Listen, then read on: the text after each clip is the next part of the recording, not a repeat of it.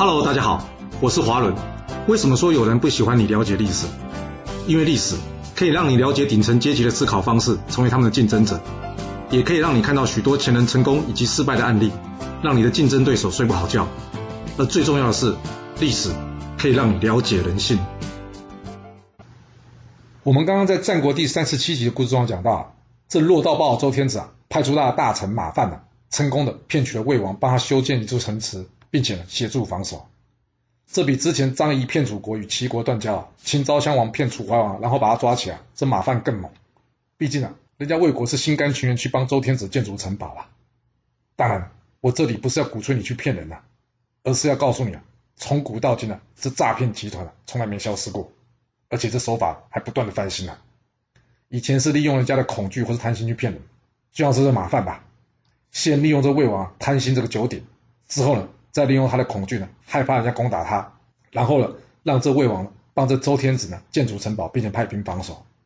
不过现在的人更恶劣啊，他是利用人的善良去骗人啊。我在录这集的时候啊，刚好前两天呢，有一位女大学生呢，疑似被骗去缅甸。那我们现在不知道这后续发展会如何。然呢，我们最常常会犯的后见之明问题啊，什么意思？就是对别人被欺骗这件事啊，总会找出一个自己觉得合理的理由啊，事后去说明这件事。而没有办法设身处地去想，为什么当初他会受骗呢？要知道，若少了这一段呢，每个人都可能会成为诈骗集团得手的目标啊！这跟你聪不聪明没有关系啊！再聪明的人也会受骗啊！正所谓事后诸葛亮，但是事前猪一样。人家穿名牌、开豪车、吃美食来告诉你赚钱的方法，他是想利用你贪心来欺骗你。啊，人家告诉你你下单错误被多扣钱了，这是利用你的恐惧在欺骗你。更有人会利用你的习惯，比方说拿付费包裹钱呢，没有确认的包裹是不是自己订的，以及啊利用你的善心假借问路把人抓走，这些都是诈骗或是犯罪集团会用的手段啊。这方法实在太多，加上不断翻新，我不可能这边一一说明啊。不过还是得提醒大家，那就是什么：一出门在外要尽可能提高警觉啊；二涉及金钱或财物啊，比方说你的账户啊或是签名文件啊，一定要谨慎；还有就是什么三。有事最好跟家人或者你信得过的人讨论一下。若是没有信得过的人呢，那你就上网搜寻或是拨打一些免付费的诈骗电话。从不同角度来看问题啊，或许就能降低被骗的问题啊。至于政府要不要加重刑责或是加强查缉啊，这只是我们能期待却不能努力的事啊。所以不要把这当成目标，也不需要抱怨啊。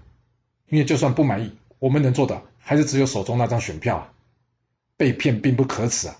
因为问题是出在骗人的人身上啊，而且当诈骗的人多了，就像出门总会遇到下雨被淋湿一样啊，这要避免实在不容易啊。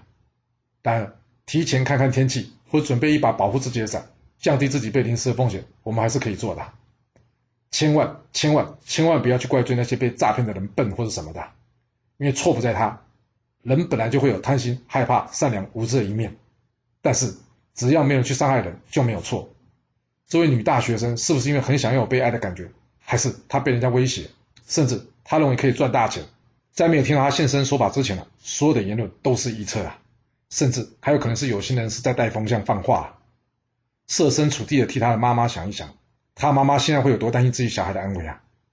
我们能做的不多，除了从中学习或是教育自己的小孩之外，剩下的也只能帮这位无助的母亲祈福，希望她的孩子平安。你说是吧？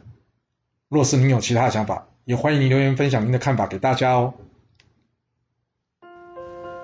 好了，我们今天就先说到这。若是你想要知道完整版的故事内容，欢迎您可以到说明栏中找到我爱故事频道的连结。